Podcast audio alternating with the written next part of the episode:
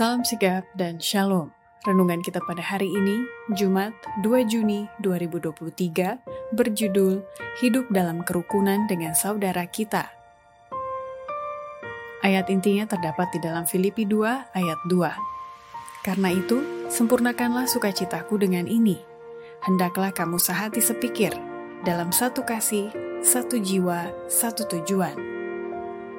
Pena Inspirasi menuliskan yang dimaksud dengan judul renungan kita pagi ini, Hidup dalam Kerukunan dengan Saudara Kita, adalah sebuah panggilan kehidupan yang praktis agar kita senantiasa menunjukkan sukacita sosial sebagai faktor yang menunjang kebahagiaan sejati dan sarana untuk memulihkan hubungan kita secara vertikal kepada Tuhan dan horizontal dengan sesama sebagai berikut. Pertama, rahasia agar bisa hidup dalam kerukunan dengan saudara kita adalah kita perlu memiliki roh kelemah lembutan, kerendahan hati, dan pikiran Kristus. Kita harus melihat pentingnya bersatu, bukan supaya kita menuntut orang lain untuk menyetujui pandangan-pandangan kita, tetapi kalau semua mencari kelembutan dan kerendahan hati Kristus, mereka akan memiliki pikiran Kristus, maka akan ada kesatuan roh.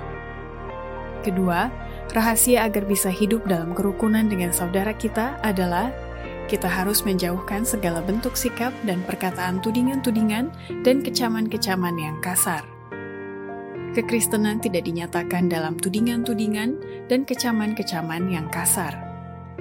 Ketiga, rahasia agar bisa hidup dalam kerukunan dengan saudara kita adalah kita harus tetap setia memelihara dan berjalan dalam roh persatuan. Saya minta mereka yang mengaku percaya pada kebenaran supaya berjalan dalam persatuan dengan saudara-saudara mereka. Jangan berusaha memberikan kesempatan kepada dunia ini untuk menuduh bahwa kita adalah kaum ekstrim, bahwa kita tidak bersatu, bahwa yang satu mengajarkan sesuatu hal, sementara yang lain mengajarkan hal yang lain lagi.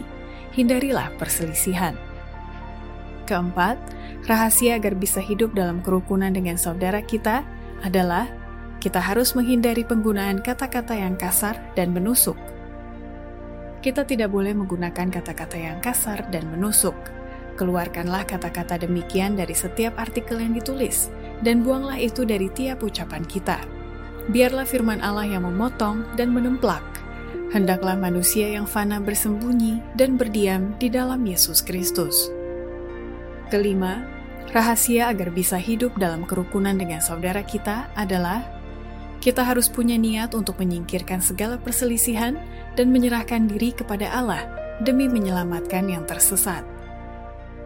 Biarlah orang-orang Kristen menyingkirkan segala perselisihan dan menyerahkan diri kepada Allah demi menyelamatkan yang tersesat.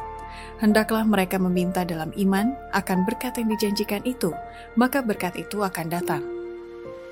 Demikianlah renungan kita pada hari ini. Kiranya Tuhan memberkati kita semua.